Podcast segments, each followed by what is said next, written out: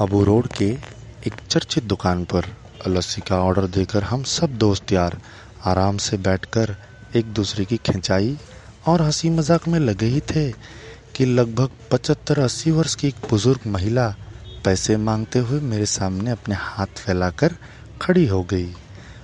उनकी कमर झुकी हुई थी, चेहरे की झुर्रियों में भूख तैर रही थी, नेत्र भीतर को धसे हुए किंतु सजल थे।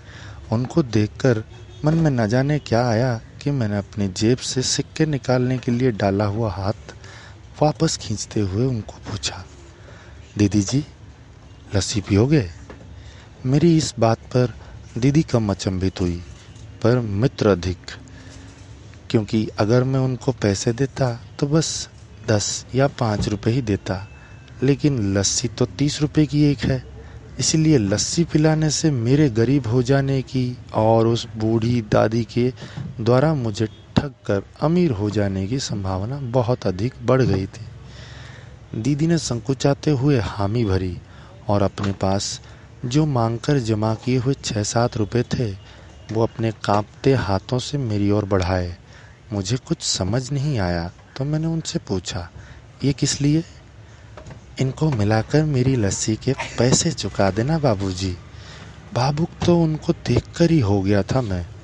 रही बच्ची का सर उनकी इस बात ने पूरी कर दी।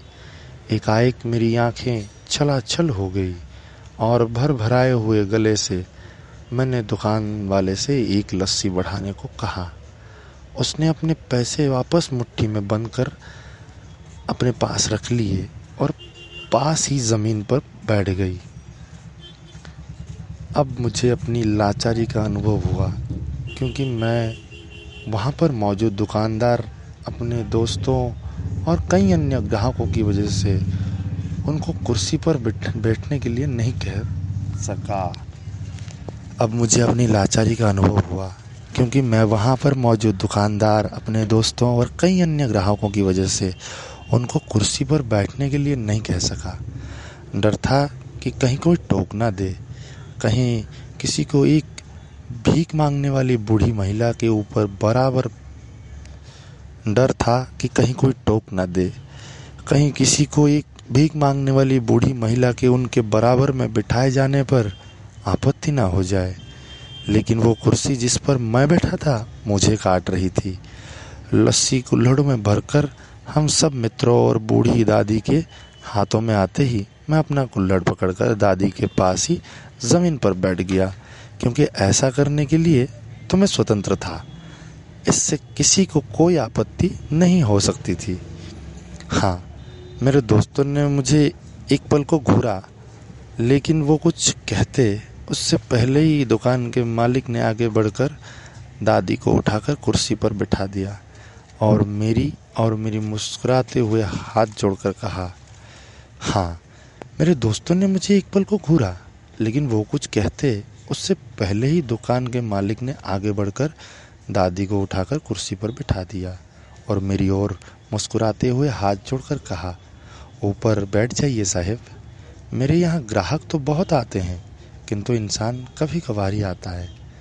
अब सबके हाथों में लस्सी के कुल्हड़ और होठों पर सहज मुस्कुराहट थी। बस एक वो दादी ही थी जिनकी आँखों में तृप्ति के आँसू, होठों पर मलाई के कुछ अंश और दिल में सैकड़ों दुआएँ थी। न जाने क्यों, जब कभी हमें दस बीस रुपए किसी भूखे गरीब को देने या उस पर खर्च करने होते हैं तो वो हमें बहुत ज़्यादा लगते हैं।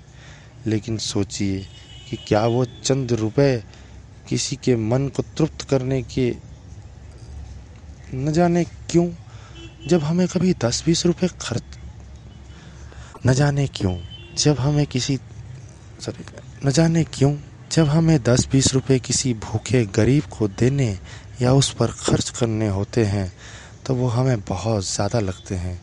लेकिन सोचिए कि क्या वो चंद रुपए किसी के मन को तृप्त करने से अधिक है? लेकिन सोचिए कि क्या वो चंद रुपए किसी के मन को तृप्त करने से अधिक कीमती हैं? जब कभी अवसर मिले, ऐसे दयापूर्ण और करुणामय काम करते रहें। भले कोई आपका साथ दे या ना दे।